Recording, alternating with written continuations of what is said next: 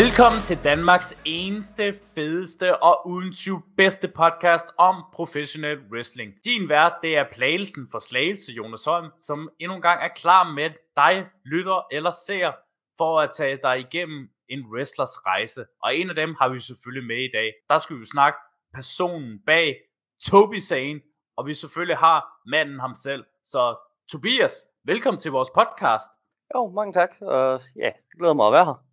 Vi er også uh, taknemmelige for, at du har fundet tid til at snakke med os jo, og høre, hvordan din wrestling-rejse har været igennem de sidste 12 år nu. Ja, det er lang tid. Det må man sige uh, ja til, så. Men uh, Tobias, før vi ligesom starter sådan podcasten sådan stille og roligt ud. Hvem er egentlig personen bag Toby Zane? Uh, altså, ja, personen bag Toby Zane, altså, det, han er jo nok ikke den mest spændende person i verden, men jeg kan prøve at, for, jeg kan prøve at fortælle lidt, uh, hvem jeg er. Så jeg er, ja, som Jonas har sagt, så er jeg jo Tobias. Jeg er, ja, på recording af den her episode, der er jeg ja, 30. Jeg arbejder på et lager. Jeg er øh, tidligere springgymnast, tidligere, øh, hvad kan man sige, andre sportsudøver, sportsudøver, sports. Jeg har lavet lidt andre sportsting for wrestling. Jeg har, øh, jeg har været meget inden for, hvad det nu hedder, rollespil, som jeg er begyndt at starte på igen her for noget tid siden. Jeg er, ud over det, øh, så er jeg fancy forfatter, hvilket jeg går meget op i. Og ja, yeah, og nok det, basically. Du er godt i gang i mange ting på en gang, må man uh, sige, på det her punkt. Ja, nogle af dem, det er så været før i tiden, og noget af det, det er jeg stadigvæk i gang med. Altså sådan noget som springgymnast eller gymnast, det er ikke længere, fordi ja, der kommer en masse ting over det. Ja, der gjorde, at jeg ikke kunne gøre det længere. Um, men det er så godt nok fra før jeg startede wrestling, men det gav mig en... Det gav mig lidt den der confidence, man har brug for til at stå foran et uh, publikum, så jeg var allerede vant til det hvilket var en god ting selvfølgelig. Helt bestemt, det er det jo. Men jeg tænker jo sådan også lidt, hvornår sådan startede det hele med wrestling, og kan du sådan huske den første kamp, du så, og wrestler og sådan kampe også? Er altså præcis, hvornår det startede, kan jeg ikke huske, men øh, jeg er ret sikker på, at det er starten af 2000'erne, hvor mig og nogle klassekammerater, vi har siddet og spillet et PlayStation 1-spil, der har været wrestling-orienteret som jeg i den dag i dag øh, stadigvæk ikke har kunne finde ud af, hvilket er, eller øh, jeg ikke engang kunne grave det op nogen steder. Det er det eneste, jeg sådan rigtig husker ved det. Det var, at det var wrestling-orienteret. Du kunne gå, bag, du kunne gå backstage, smadre nogen med alle mulige ting, og det var det, vi gjorde dengang. Ja, det var rigtig sjovt. Men det første, jeg sådan rigtig husker, sådan ordentligt at spille igennem, det er 2003-spillet uh, øh, SmackDown Here Comes the Pain. Det var sådan det første det var også det første wrestling-spil, jeg købte selv, men det var også det første sådan ordentlige interaktion, jeg fik, jeg fik til wrestling, som jeg kan huske. Og derimod den første kamp, jeg så, har været, det har været WrestleMania 20, hvis jeg ikke tager meget fejl, en Cruiserweight Gauntlet match, hvilket så Chavo Guerrero, øh, hvad nu, retain hans øh, uh, Cruiserweight titel over Mysterio til sidst. Altså Rey Mysterio, ikke Dominic Mysterio. Han wrestlede overhovedet ikke dengang. Men ham, der imponerede mig i den kamp, det var Ultimo Dragon. Som jeg, ja, bare blev helt forunderlig af, og synes han var virkelig fantastisk, og havde den bedste præs, altså, presentation af alle. Og det er ham, jeg sådan blev inspireret af, og fik tanken om, jeg vil gerne det her. Det synes jeg er fedt. Så jeg har den dag i dag, der har jeg lidt Ultimo Dragon Tribute ting, jeg laver i ringen. Men man skal nok holde meget øje med det, hvis man ved, hvad det er, hvis man sådan, vil finde ud af, hvad det er. Eller kan se, hvad det er. Det er nok, ja, det er nok den start, jeg vil, jeg vil gå på. Og så kan man jo altid opfordre sine fans af, at man skal lægge mærke til det hver gang, du skal gøre shows for Body Slam også. Ja, jeg kunne, altså, jeg kunne, starte, jeg kunne starte med at sige, at jeg at jeg begyndte at have en, en spark-kombination, der er startet på samme måde som Ultimo Dragon, han, har start, han laver sin. Så øhm, det, er, det er i hvert fald den første tribute, der er, men så er der nogle andre sådan hen ad vejen. Men efter sådan, du ligesom fandt ud af, at det er her, du gerne vil prøve den her verden, vi kalder pro-wrestling også. Altså, kan du sådan huske den første tid med træning, og hvad der egentlig også blev lidt afgørende for din stil. Nu nævner du selvfølgelig Ultimate Dragon, som var jo lidt, kan man sige, bruger også lidt af hans stil. Ja, de første, altså de første træninger, jeg kan huske, der var jeg nødt til, der var jeg nødt til at blive du ved, kørt ned til Fredericia, på grund af det var der dengang, øh, der, var, der var træning dernede i 2012. Ja, så det var min, det var min far, jeg fik, til, jeg fik til at køre mig derned, fordi han skulle også nå dernede samme dag. Perfekt, så kunne jeg lige afprøve det her. Jeg husker, det var super hårdt, og øhm, øh, jeg i hvert fald ikke er den samme, jeg var dengang, som jeg er nu. Det er selvfølgelig klart, jeg ikke er det, fordi nu ved jeg jo så meget mere. Men det var jo da jeg mødte mange af de, altså mange af de folk, der ikke rigtig er i wrestlingverdenen mere, hvilket er ret interessant at, at se på, for det kan godt være, at vi kommer ind på dem lidt senere. Men det var sådan spændende at se, hvem der var der dengang, og så hvem der er der nu. Det synes jeg i hvert fald er ret spændende. Og var der så nogle afgørende punkter i forhold til, at øh, hvordan din udvikling af karakterer sådan skulle komme i løbet hen? Man kan jo sige, at din karakter er jo, kan man sige, lidt anderledes i forhold til alle andre wrestlere også i dag jo. ja, det er, det er i hvert fald ikke noget at se gennem fingrene med. Altså til at starte med, der vil jeg sige Toby Sane eller Tobias, som jeg var dengang. Det var jo nok egentlig bare en springgymnast, som jeg tog med fra, fra før. Og det var basically det, jeg var til, til at starte med et par år inden, hvor der så var, og det er det, kan jeg ikke lige huske, hvor jeg kommer i tanke om, øhm, der var en, der syntes, det ville være sjovt, hvis jeg fik et sådan tandlæge-karakter. Det er virkelig sådan lidt ud af left field. Der, der var ikke rigtig nogen, der sådan, de havde forestillet sig noget i den retning. Øh, så det prøvede jeg i... Faktisk prøvede jeg det egentlig ikke. Det var sådan en halvvejs ting, jeg gjorde en to år inden, så prøvede jeg noget nyt igen, der ikke rigtig var noget. Så blev jeg så til den her Toby Sane character, vi, vi kender nu. Og det udviklede sig jo faktisk fra, at, ja, jeg, at jeg var i en dårlig periode igennem mit liv, hvor det her My Little Pony, det hjalp mig rigtig, rigtig meget igennem den her periode. Og jeg havde jo bare tænkt, jamen, jeg vil give noget tilbage til den her serie. Så derfra kom den karakter, at jeg ville lade mig give den her del tilbage. Og så var det det. Var der egentlig også sådan kendetegn i forhold til, hvad for en finisher du skulle have, altså både i din tid i VDK og så også i Bodyslam? Eller var det sådan lidt senere hen i tiden, at du endelig fandt ud af, hvad din finisher skulle være? Det var, altså, jeg, jeg, jeg vil ærligt talt sige, at det er nok for nyligt, det kom, hvor det er ordentligt fastsat, hvad øh, altså et finisher skulle være.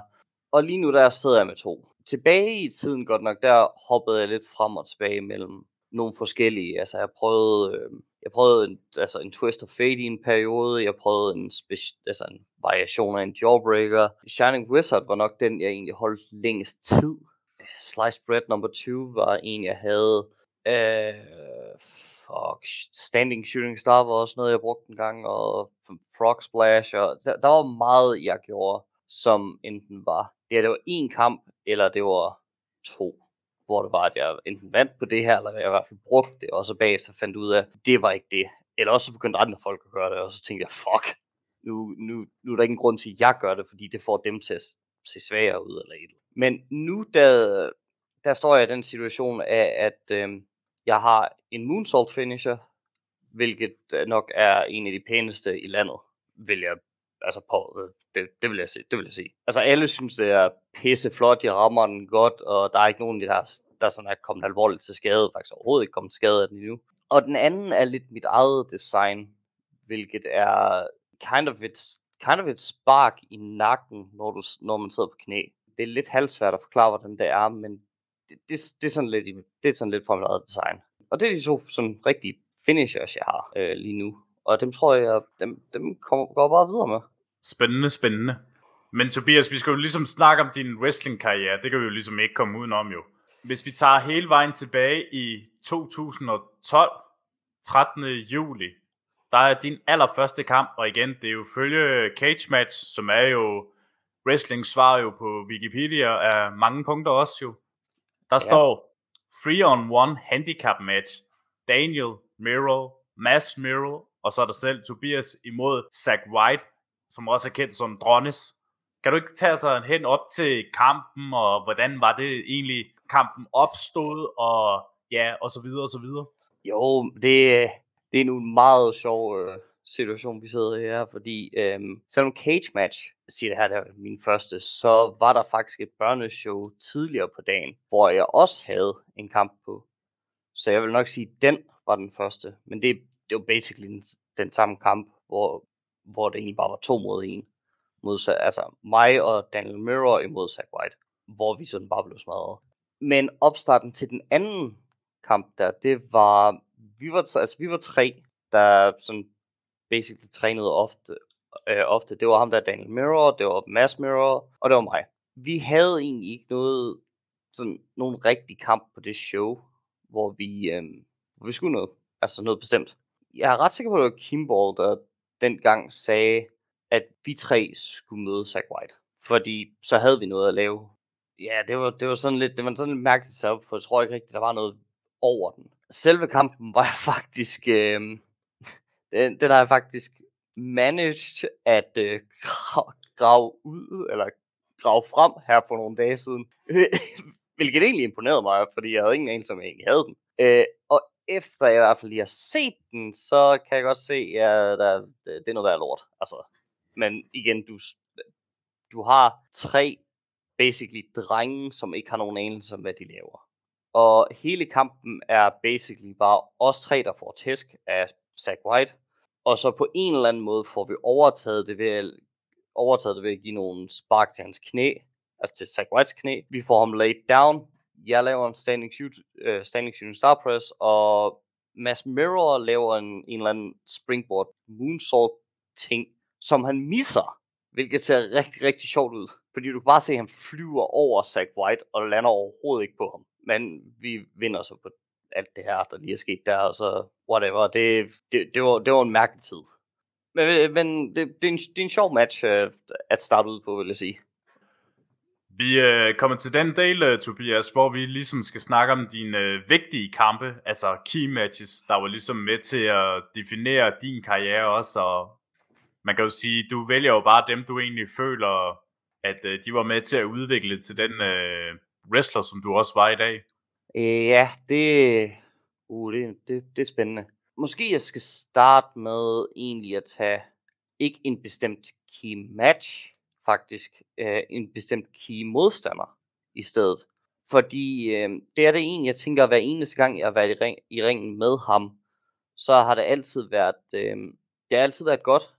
Vi har altid sådan forstået hinanden, altså forstået hinanden, haft øh, vi har sådan lidt presset hinanden sådan lidt frem og tilbage, og har altid, har, altså, altid leveret godt, og altid gjort, hvad, hvad vi skulle, og passet på hinanden. Og det har været en fornøjelse hver eneste gang, at have været i ringen med Peter Olesander.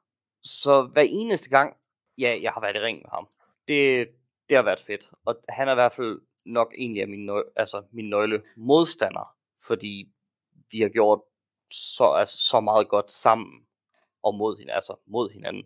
En fun fact med Peter var faktisk, at jeg ved ikke, om du, man kan finde det på Cage Match. Han startede ud som, altså han startede ud i WDK i 2016, jeg kan faktisk ikke helt huske, om det var 16 eller 15, som øh, min tagpartner. Det er, det er et sjovt fun fact. Um, så vi har faktisk også tagget sammen. Det er, altså, det er et rigtig, rigtig sjovt øh, fact, vil jeg sige næste key match, eller key matches, der vil jeg nok tage en, der, en, der er på YouTube, ved jeg i hvert fald helt, helt 100. Den første Scandi Grabs, jeg deltog i, hvilket var 2021, øh, kampen mod Carlos Zamora, det er en, hvor jeg i hvert fald vil sige, at præstere noget af den bedste performance, jeg nogensinde har gjort. Den var virkelig, den kamp var virkelig med til bare at presse mig til alt. Altså til, til at gøre det bedste, jeg overhovedet kunne, og det var, altså, det, det var virkelig, virkelig en, for, altså, virkelig en fed match, vi havde op. Vi havde op. Øhm, jeg ved ikke, den, den er nok op på mine top 5 matches, øh, jeg har været med i nogensinde. Øhm, så den, den skal, altså den skal Carlos også have, altså det har været virkelig, det har været virkelig fedt. Sidste, eller nej faktisk, jeg, jeg tror lige, jeg tager en, en ekstra bagefter. Øh, anden sidste nøglekamp, det er en, som ikke rigtig var så god igen. og jeg ved faktisk ikke helt, om den er på YouTube eller ej. I løbet af coronasiden, der havde vi en masse øh, sådan bum bum bum kamp. Altså sådan, vi havde jo de samme folk, vi wrestlede med, øhm, og der skete en masse ting. Jeg skulle i hvert fald mene, det var i coronatiden. Der wrestlede jeg Hunyadi Tamas i en singles match på et tidspunkt, hvor jeg kan faktisk ikke huske, hvad storylinen op til den var, men den involverede, øh, den involverede Rick Dominic. Problemet ved den var, at jeg var alt for overilet, alt for uerfaren til at styre en kamp, til at det her det bare blev noget værre lort. Altså det blev virkelig ikke særlig godt, og det hele det er fra min side. Det er, ja, det, det er en, jeg sådan fortryder at have lavet så dårligt, men det er også en, hvor grunden til, at det er en nøglekamp, eller jeg vil sige, at det er en nøglekamp, er, at det har, det har vist over for mig, hvad jeg ikke skulle gøre. Og det er lidt derfor, jeg egentlig gerne vil nævne den. Fordi det kan godt være, at jeg havde, jeg lavede en masse fejl her i. Jeg var, jeg gjorde det dumme, eller jeg var uerfaren til at holde, til at holde den her. Jeg skulle have spurgt om hjælp. Jeg skulle have det her. Det har så lært mig alle de her ting, at okay, jeg har brug, jeg havde i hvert fald dengang brug for at have hjælp. Jeg kunne ikke styre det selv. Øhm, så det er ikke noget, der er ikke noget, jeg tager fra Tamas overhovedet. Han har været pisse dygtig at være i ring med, så ja, der er i hvert fald kun, øhm, hvad er nu? Der er i hvert fald kun lige ros den vej. En sidste nøglekamp, jeg faktisk gerne vil nævne, hvilket jeg kom i, jeg kom i tanke om her faktisk ikke for så, for så lang tid siden, det er fem minutter siden faktisk. Det er mig og Emeritus faktisk, der tag teamer mod Easy Lovers tilbage i sidste års sommer på sådan en Warpix show. Grunden til, at jeg siger det som øh, nøglekamp, det var en, hvor jeg egentlig hvor jeg, tror, jeg tror, det var meningen, vi skulle have gjort noget, altså der, der var en bestemt ting over det, hvor at Emeritus vidste, at Easy Lovers de over. Hvilket vil sige, de vil være the good guys. Okay, vi er the bad guys. Det kommer vi til at være. Men der, det var, det var en af de kampe, hvor vi gik ud, og folk ville bare gerne have, folk ville bare gerne se Tobi og Emeritus vinde. Og det, det var virkelig underligt at have, altså, jeg har haft den oplevelse nogle gange, men det her, det var den, hvor jeg synes, det var mærkeligst. Fordi vi ved jo godt, hvor, hvor beloved Easy Lovers de er, og så det stadigvæk kan være, jamen nu kommer Tobi og Emeritus, jamen okay, jamen dem kan vi godt lide bedre. Det synes jeg, det synes jeg i hvert fald var fedt. Det er også nok en kamp, hvor du sådan har lært mig, at du, du skal ikke tro, du kan være sådan mere babyface, eller mere good guy, end Tobi Sane. det, skal, det skal du ikke tro. Ja, det, det er nok de nøglekamp, jeg vil sige. Der er flere, vil jeg, øhm, altså flere rigtig gode kampe, jeg har haft, som jeg kan lægge ind på den der top 5 øh, matches, jeg har haft list. Men det her, det er dem, hvor jeg sådan kan se tilbage på og tænke, det her, det er det, jeg skal huske. Der er også mange interessante kampe, man også har på den her liste, og også, kan man sige, på mange punkter også meget forskellige også. Vi er kommet til den del, hvor at, øh, vi skal snakke om to ting i forhold til med din øh, karriere også, øh, Tobias. Men vi starter selvfølgelig altid med det positive først. Det er jo det største øjeblik. Uh, altså, største øjeblik i øh, Tokusen-karrieren. Uh, øh, det bliver nok ikke... Uh, det er nok ikke en, som, man, uh, som de fleste vil synes er en stor, sådan, en stor bedrift, for jeg tror, de, de fleste vil nok, især fans, de vil sidde og sige, at den største bedrift, en wrestler nok får, det er vinde en eller anden championship, vinde en turnering, uh, gøre det her, uh, main event WrestleMania, whatever, uh, vinde Royal Rumble. Uh, men for mig, der vil jeg sige, at det var, det var sidste år, da jeg, øh, ja, det var sådan set sidste år, hvor jeg øh, endte med at stå med en bedrift, som ingen andre i Bodyslam nogensinde har, øh, har formået at gøre, og jeg tror heller ikke, det er en, som nogensinde kommer til at blive slået, hvor jeg, øh, hvor jeg havde 30 appearances på, ja, på hele året, bare for Bodyslam. 30 kampe på et år ved Body Slam. Og det fik jeg jo selvfølgelig sådan en bitte graph op på sociale medier. Jeg synes egentlig, det var rigtig fedt. Og at vide, at det er så stor en bedrift, at jeg, har, som jeg har fundet, formået at få, at, at de også stoler på mig nok til, at de bare siger, jamen, lad os smide to, Tobi ind, han ved, hvad han er gang i, vi kan smide mod hvem som helst, det skal nok blive godt. Det er i hvert fald en stor ære for mig. Det, det vil jeg sige er den største bedrift nogensinde.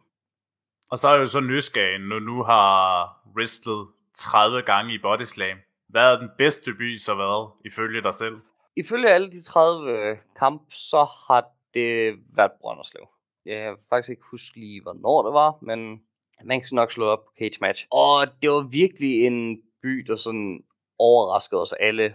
For vi er, vi er jo ankommet til den her gymnastiksal, det kan jeg, jeg kan sgu ikke lige huske, hvornår vi ankom, det var sådan rundt omkring middagstid, hvor vi sætter det hele op og tænker, der kommer nok sådan en 100 mennesker, det plejer der at gøre til de her shows, sådan 200 tops, eller måske 300, hvis vi er heldige. Og vi finder ud af, hvad vi skal lave, og vi står og tænker, ja, hvad, hvordan ser situationen ud, og bla bla bla, hvad nu end der kommer til at ske. Øh, vi får, altså vi får rigtig god, god catering fra stedet, hvilket vil sige, altså, der drikkevarer, der er madvarer, der er det ene og det andet, og det er faktisk rigtig rart. Dørene åbner, og vi, øh, vi kan se en rigtig, rigtig lang sådan line af folk, der går ud af bygningen og tænker, nå, der er nok kommet lidt flere, end vi regner med. Eller der er nok kommet de der 300, vi sådan, tænkte nok ville være heldigt. En halv time inden showet, øh, showet starter, der får vi så at vide fra hvad nu, dem, der står for at sætte stol op og sådan noget, at de ved, de er stadigvæk med at, ved at sætte nye sol op, og der kommer flere og flere folk ind, og de er ret sikre på, at der er 400 på det tidspunkt. Øh,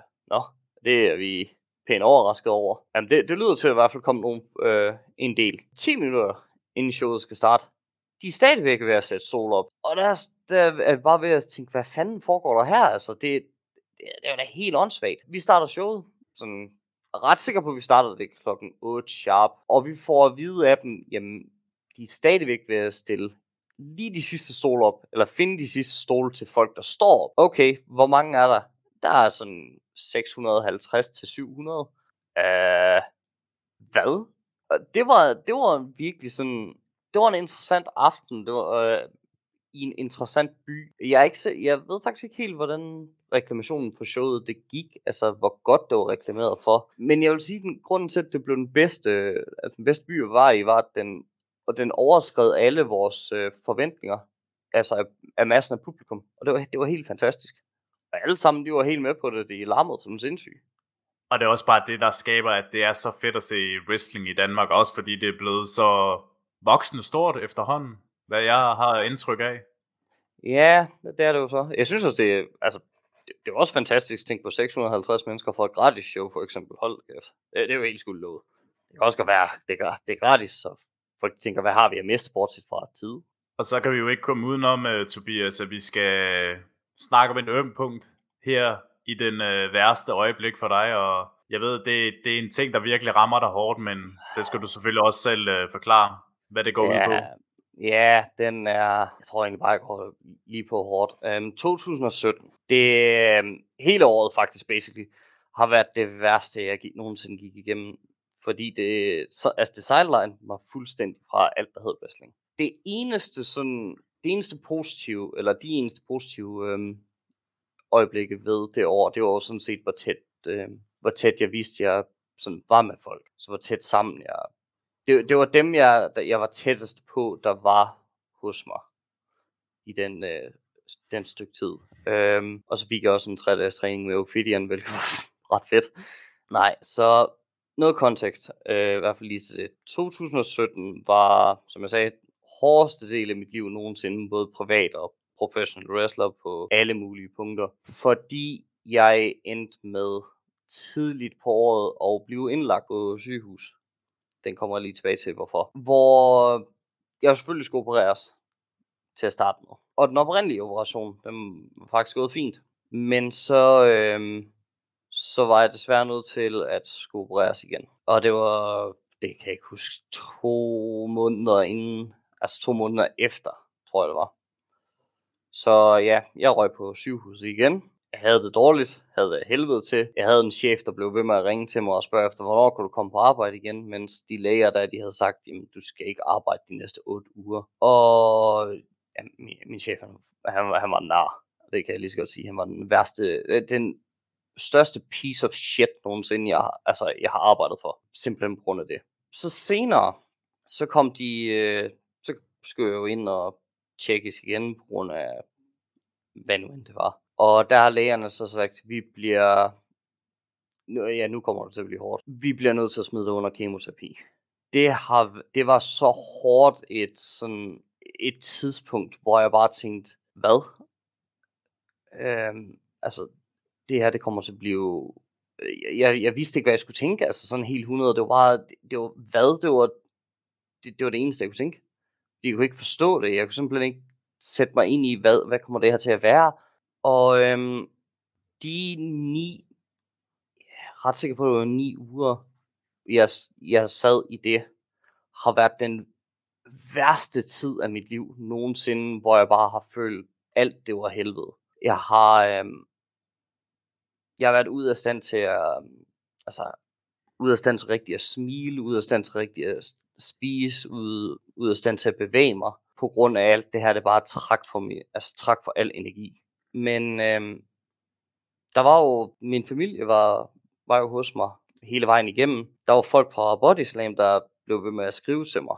Altså om, hvordan jeg havde det, hvilket altid var rart. Og jeg havde nogle venner, jeg sad og snakkede med dagligt. Så jeg vidste jo, hvem der sådan sad og hjalp, eller i hvert fald nogle af de venner der, dem troede i hvert fald, de hjalp mig. Det, der var nogle af dem, der sådan ikke lige var på min side til sidst. Uh, det behøver vi så ikke gå ind, på overhovedet. Men jeg kan, jeg kan huske tydeligt i det, jeg blev udskrevet fra det her, øh, fra det her kemoterapi.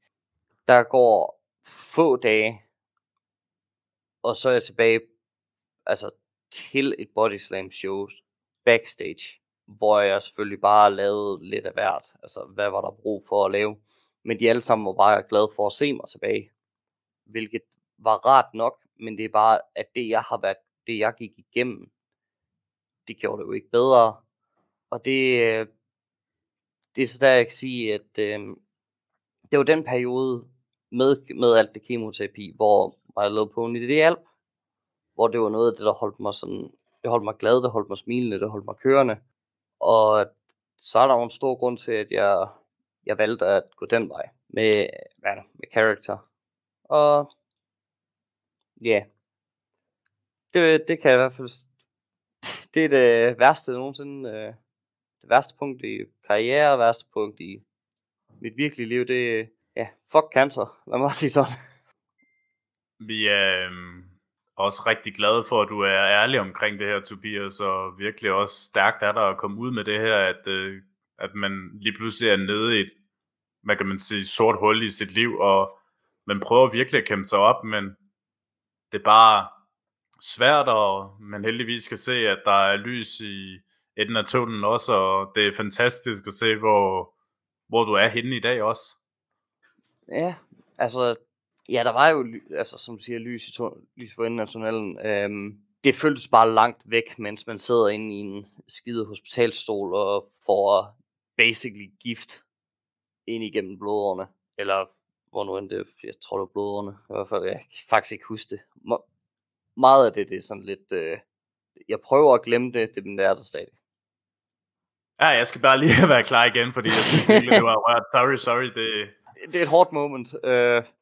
Ja, det er det virkelig. Altså, det er helt imponerende. Jeg håber virkelig, mange af lytterne her virkelig også tænker, at, øh, og føler også, hvad du har været igennem, og måske også kan relatere, altså, om de ja. kender nogen, der også har været igennem det her. Det, ja. Jeg vil så, det.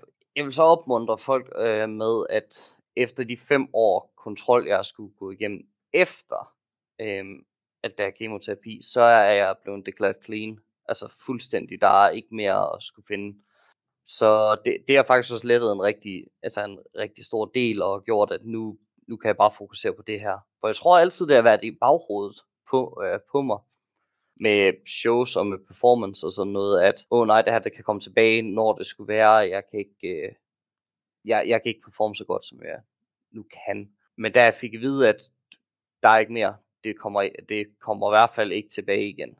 Øh, der er en 0,000, hvor langt ud du gerne vil der, kommer et, whatever, procent chance på, at det nogensinde vil komme igen. Så det, det har i hvert fald sat mig i bedre mindstate.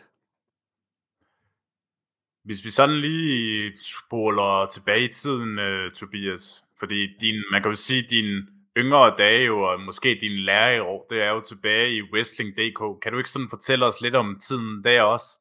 Uh, jo. Uh, lad os i hvert fald lige starte fra starten. Øhm, ja, hvis nu vi øhm, tager den første træning, jeg havde, som jeg nævnte tidligere.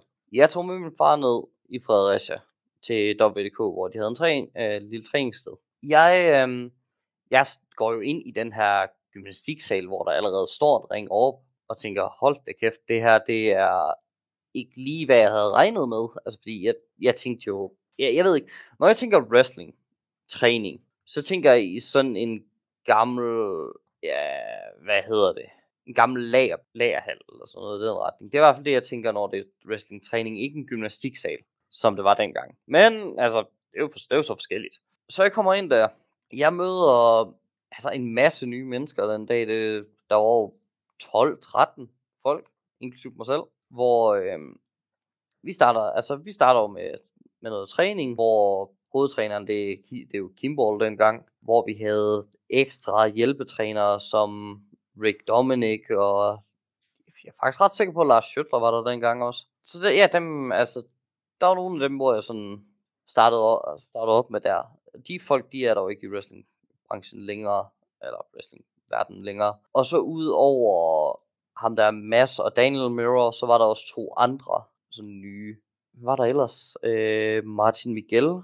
Kan faktisk ikke huske, hvem der ellers var der. Det var i hvert fald, altså første træning, jeg nogensinde tog til. Det var, det var, det var meget hårdt på en anden måde. Altså, nu, det var noget, jeg ikke havde prøvet før, hvor jeg tænkte, det her, det, det, det har gjort nas, men det føles rewarding. Så jeg vil gerne til det igen. Så jeg prøver nogle, sådan, nogle flere træninger. En af dem med DPW også, øhm, som også var en del, øh, en del hård. Og jo længere, altså, jo længere jeg jo selvfølgelig kommer, jo mere erfaren bliver jeg, men jeg vil ikke sige, at jeg bliver direkte bedre. Det kan jeg desværre ikke svare på lige nu. Hvorfor? Jeg ved, altså, jeg ved bare mere om, hvordan gør jeg de mere basale ting. Og så, kom den der, og så kommer den der første kamp, jeg havde jo sådan fire, fire, jeg godt vel fire måneder efter jeg startede. Får jeg i hvert fald den kamp, så som jeg, jeg vil i hvert fald gerne nogen, de kommer til at se den, for det, det er virkelig, det er virkelig sjovt at se på. Øh, til at nogle måneder efter jeg får min første singles match på noget, der, noget der hedder WDK Zombie Slam. Øh, den kan jeg så ikke huske en skid om, desværre. Men jeg tror, jeg tror kampen den kan findes et sted på YouTube. Vi, altså, ja, videre med det, så er jeg jo hos WDK indtil WDK slutter, og i den tid, der mødte jeg jo folk som, ja, Christian Thorn, ja, Peter Olesander, som jeg jo nævnte tidligere, der startede hos WDK. Bam Bam Kvade startede også i WDK. Øhm, hvad var der ellers? Der var en, der hed Wolf, tror jeg var. Øh, Final Count mødte jeg også der. Zack Zach White, eller Bronnest. Øhm, de to, altså de, de to ejere af Body Slam mødte jeg også dengang. Og ja, jeg havde jo de sådan, jeg havde jo normalt de der matches, hvor det, hvor det enten er sådan små kampe, eller Tobi skal have noget, noget bank -ish. Det jeg ikke altid været tilfreds med. Og det, altså det fortsatte jo sådan i noget tid, og så, så kom de sidste år af, de, ja, de sidste år af WDK, som, hvor folk bare mere eller mindre lavede, hvad de havde lyst til. Øh, det endte jo så med, at mig og Peter Olisander, vi endte med at sådan set slutte vores tid i WDK, eller han startede og sluttede hans tid i WDK med et feud mod Bam Bam Kvæde, og en, der hedder Mikkel, er jeg ret sikker på. Der kørte vi et par kampe med dem, som faktisk var hyggelige nok, men øh, der var ikke mange af os, der var, altså, vi var fire, der ikke rigtig vidste så meget om wrestling. Så det var svært at, sådan, det var svært at lave de kampe der. Men WDK har været en hyggelig tid, vil jeg sige, med en masse sådan, lad os forsøge noget. Se, hvad der virker. Jeg vil sige, jeg, jeg lærte i hvert fald en masse der, derfra. Og så kan man jo sige videre på, at tiden blev også meget interessant, når BDK lige pludselig blev, eller blev og blev, skiftende over til, at de skulle hedde Body Slam nu. Ja, det, øh, det er jo det, der er sjovt med, at øh, det er jo nok ikke lige de fleste, der ved, øh, at Body Slam er jo basically bare hvad... Det Body Slam er jo basically bare resterne af WDK, eller Wrestling.dk, som det nu hed dengang men det er ikke den samme, det, det er ikke den samme sådan quote unquote uh, promotion. Det er noget nyt. Og altså jeg vil sige på alle måder, at Body Slam er bedre. Altså det, det er bedre production øh, kvalitet, der er bedre, altid bedre wrestlere, der, der er bedre styr på meget af det. Altså det er sådan, det er en sjov transformation, der skete og det er endnu sjovere at tænke på, at Body Slam var jo egentlig bare meningen, det skulle være en engangs ting. Og så blev det til to, så blev det til tre, så blev det til fire. Så blev det bare til en ting, på, altså en, en ting i sig selv. Hvilket var fedt. Og jeg er stadigvæk lidt skuffet over, at jeg havde sagt nej til det første Body Slam show nogensinde. Fordi jeg skulle et eller andet med familien, og jeg kan ikke huske hvad. Hvilket jeg så fandt ud af senere, at jeg egentlig godt kunne have sagt nej til. Så det var, det var en ting, der ikke var så vigtig. Og der tænker jeg, at måske det kunne have været vigtigt at være en del af historien. Men sådan er det.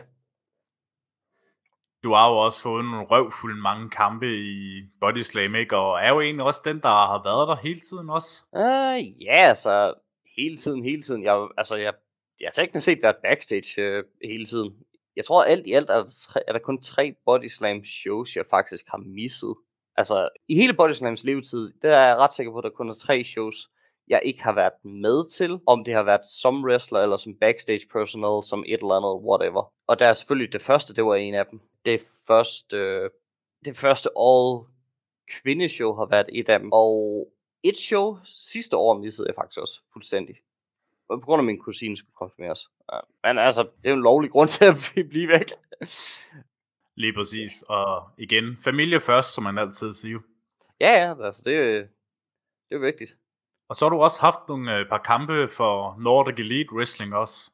Ja, og det var tre, jeg havde gerne tre i sidste år, er jeg ret sikker på, 2023. Øh, den første øh, i februar, kan det passe? Øh, det var mod Pete Phoenix i en sådan øh, en rigtig god singles match, hvor vi sådan, ja, ej, jeg vil ikke sige stjal showet, men det var sådan, det var nok, det var nok en af de bedre kampe på showet.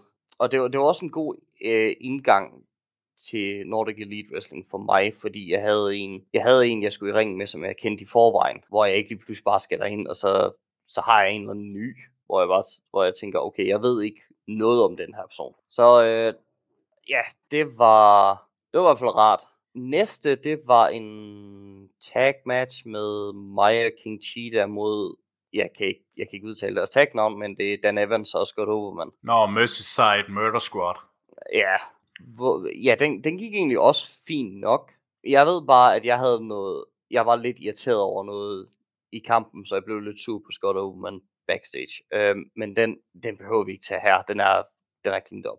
Og sidst, så var, havde jeg i hvert fald så havde jeg en 8-man med, altså en 8-man tag, hvor det var mig, øh, Saim Power of Party mod Easy Lovers og en eller anden Stanislav et eller andet. Jeg kan ikke lige huske hans navn. Og det var bare en Bodies Everywhere kaotisk kamp, som egentlig gik fint, alt i betragtning af, hvor mange vi var. Ja, yeah, det var de... Altså, det var sådan set de tre kampe, jeg har haft i Nordic Elite, og jeg er sådan set ikke... Øh, jeg har sådan set ikke noget mod at jeg skulle sige, at jeg gerne vil tilbage der til igen, fordi det er jo ikke fordi, det er jo ikke fordi, det er et sted, der virkelig behandler nogen dårligt overhovedet. Jeg synes faktisk, de er rigtig, de er rigtig velkomne. Det har de i hvert fald været over for mig, så jeg kan godt finde på at komme, gå tilbage igen. Og man kan jo altid håbe, at man ser Tobi Sane til et Nordic Elite show ude i fremtiden. Det kunne man. Vi sådan efter 12 år som pro-wrestler, Tobias, hvad, hvad tror du sådan fremtiden kommer til at bringe for dig? Åh, oh, det, Ja, det er faktisk øh, et godt spørgsmål, for fremtiden kan altid ændre sig på alle, altså på alle måder. Um, om det er godt eller skidt, jeg ved ikke, altså, jeg vil gerne en masse ting inden for wrestling, men det er jo ikke mig, der, det er ikke mig, der er herover, at de her ting de kommer til at ske. Jeg har aldrig prøvet, jeg har aldrig prøvet at wrestle uden for Danmark, for eksempel, og det kunne jeg egentlig godt tænke mig at prøve. Uh, det længste væk, det er Bornholm, men det er jo stadigvæk en del af Danmark. Så øhm, Ja, det er i hvert fald en ting, jeg godt kunne tænke mig, og nok en af de, nogle af de større ønsker, det kunne være WXW nede i Tyskland. Sverige kunne også være en sjov idé, og over i England, jeg, altså, jeg vil gerne prøve sådan, lad mig prøve et andet publikum end det danske. Det er det, jeg gerne, det, jeg gerne vil. Og fremtiden gad jeg også godt se, lidt, lidt selvisk sagt, men Tobi Sane som altså major, minor, jeg ved det sgu ikke. Altså Tobi Sane som title holder, det, jeg har ikke prøvet det pres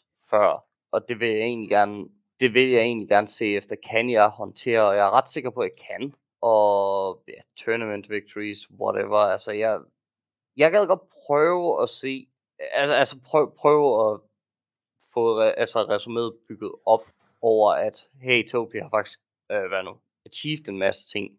Okay, og så kan jeg måske sådan se på det og tænke, jamen, nu, nu kan jeg måske bruge det også til at komme flere steder hen. Jeg ved godt, det er jo ikke lige det, alle de kigger på, men det får du i hvert fald til at se det pænere ud. Og vi kan allerede køre den her trend nu. Hashtag Toby for the title. ja, den, det kan man. Og det synes jeg også, vi skal køre som en trend lige nu. Det, der, der synes vi også, det skal være på tide, at Toby Sane får en titel. Hvis vi sådan kommer på det punkt, at øh, hvor man har nogle synspunkter. Hvad, hvad er dit synspunkt på dansk wrestling i dag, hvis du sådan skulle sige det? Uh, jamen jeg vil da sige, altså frem på da jeg startede til dansk wrestling nu, der, der vil jeg sige det bedre. Altså alle, alle punkter er bedre. Vi har set, vi har set flere wrestling, øh, wrestling firmaer, whatever. Altså start op og gør det godt. Øh, altså Body Slam, Nordic Elite, øh, det er jo to altså to promotions, der er startet inden for de sidste 10 år. Altså Nordic Elite, det er jo inden for de sidste, hvad er det, to år, som egentlig bare har vokset, altså vokset og fået en fanbase ret hurtigt. Det, det er jo ikke noget, det er jo ikke noget, man kunne se for 10 år siden. Der var, altså wrestling, det var jo en, altså virkelig en niche. Der var ikke nogen, der rigtig kendte det. Men nu der kan du faktisk godt sådan gå ud, øh, gå ud i byen, og det kan godt være, at det er de første 10, de ikke ved noget om det, men den 11. kan, godt, øh, kan nok godt vide noget om det. Så øh, ja, wrestling er i hvert fald blevet større, og jeg vil sige, der er bedre og bedre folk, der, kom, der bliver involveret i det, og det, det, er, altid, det er altid forunderligt at se sådan, hvem, hvem for eksempel ser det, for det er jo ikke lige dem, du, dem, du regner med. Altså jeg har da, altså jeg har da set flere sådan kendiser komme ind og se, se shows, hvor man tænker, jamen de, de der større end os, vi burde da vi burde være taknemmelige for, at de er her, men de opfører sig som, altså, de opfører sig fuldstændig tåbelige, ligesom alle andre folk. Og det er helt vildt mærkeligt at kigge på, hvor, altså sådan, hvor populært og elsket wrestling egentlig er blevet. Og det har vi jo kun de sidste 10 års at være nu, at se tilbage på, og sådan, ja, du skylden på. Altså, vi er kun super taknemmelige for, at du har haft lyst og tid til at komme ind i vores øh, podcast, Tobias. Det skal du have tusind tak for, og det har været en fornøjelse at høre også omkring din ærlighed, omkring det her kemobehandling, og også på hvilken inspiration du er jo. Altså, det, jeg tror virkelig mange, der bliver det efter at have hørt den her episode, hvad du har været udsat for. Ja, det, det må det må tiden vise, og det har været en fornøjelse, at jeg skulle være her. Det er også kun os, der takker for, at du er kommet her i dag. Og igen, husk at gå ud og se Tobi, når han er ved at lave show ved Body Slam, eller om, om det så er Nordic Elite, eller hvor du end skulle være, om det er udlandsk, ikke? Altså, jeg, jeg synes, du altid bringer nogen god energi, når du kommer ud med din øh, Tobi Sane look, og din unicorn, og dit svær er klar også. Ja. Du har, du har nærmest hele pakken, når du kommer ud til arenaen. Ny edition, go full fancy. Fuldstændig. Men uh, endnu en gang tusind tak, fordi du har haft uh, tid og lyst til at være med i vores øh, podcast, Tobias. Det, det var en fornøjelse. Og endnu en gang opfordringer til jer lyttere. Den vigtigste ting, I skal gøre, inden det er weekend, eller hvornår I hører episoden her, det er wrestling. Det skal ses live.